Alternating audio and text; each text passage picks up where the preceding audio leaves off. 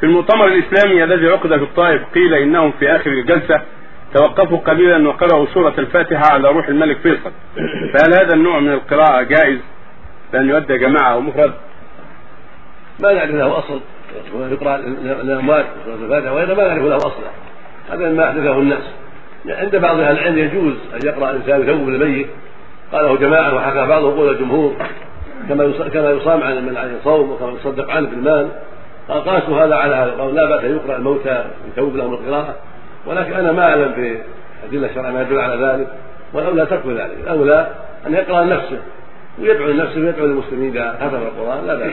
أما أن يقرأ قراءة يثوبها الميت كالفاتحة أو البقرة أو فترة كاملة ما أعرف له أصل. لكن جمهور أهل العلم قالوا لا بأس بهذا.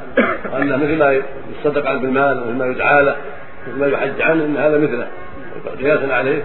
وبعض أهل لم يقتضي هذا القياس وقال لا لا يقاس في العبادات والأولى الا يقرأ أحد لأحد بل يقرأ لنفسه ويدعو عند الختمه بما يتيسر من الدعوات الطيبة لنفسه وللمسلمين وهذا هو الأحوط والأولى فيما أعتقد. نعم.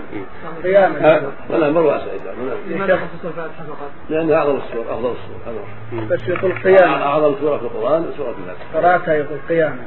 يعني يعني كم فيها شوية من قد يكون غير مقصود القيام قد يكون وهم في لا سبب السؤال من ما لها أصل لا قيام ولا قول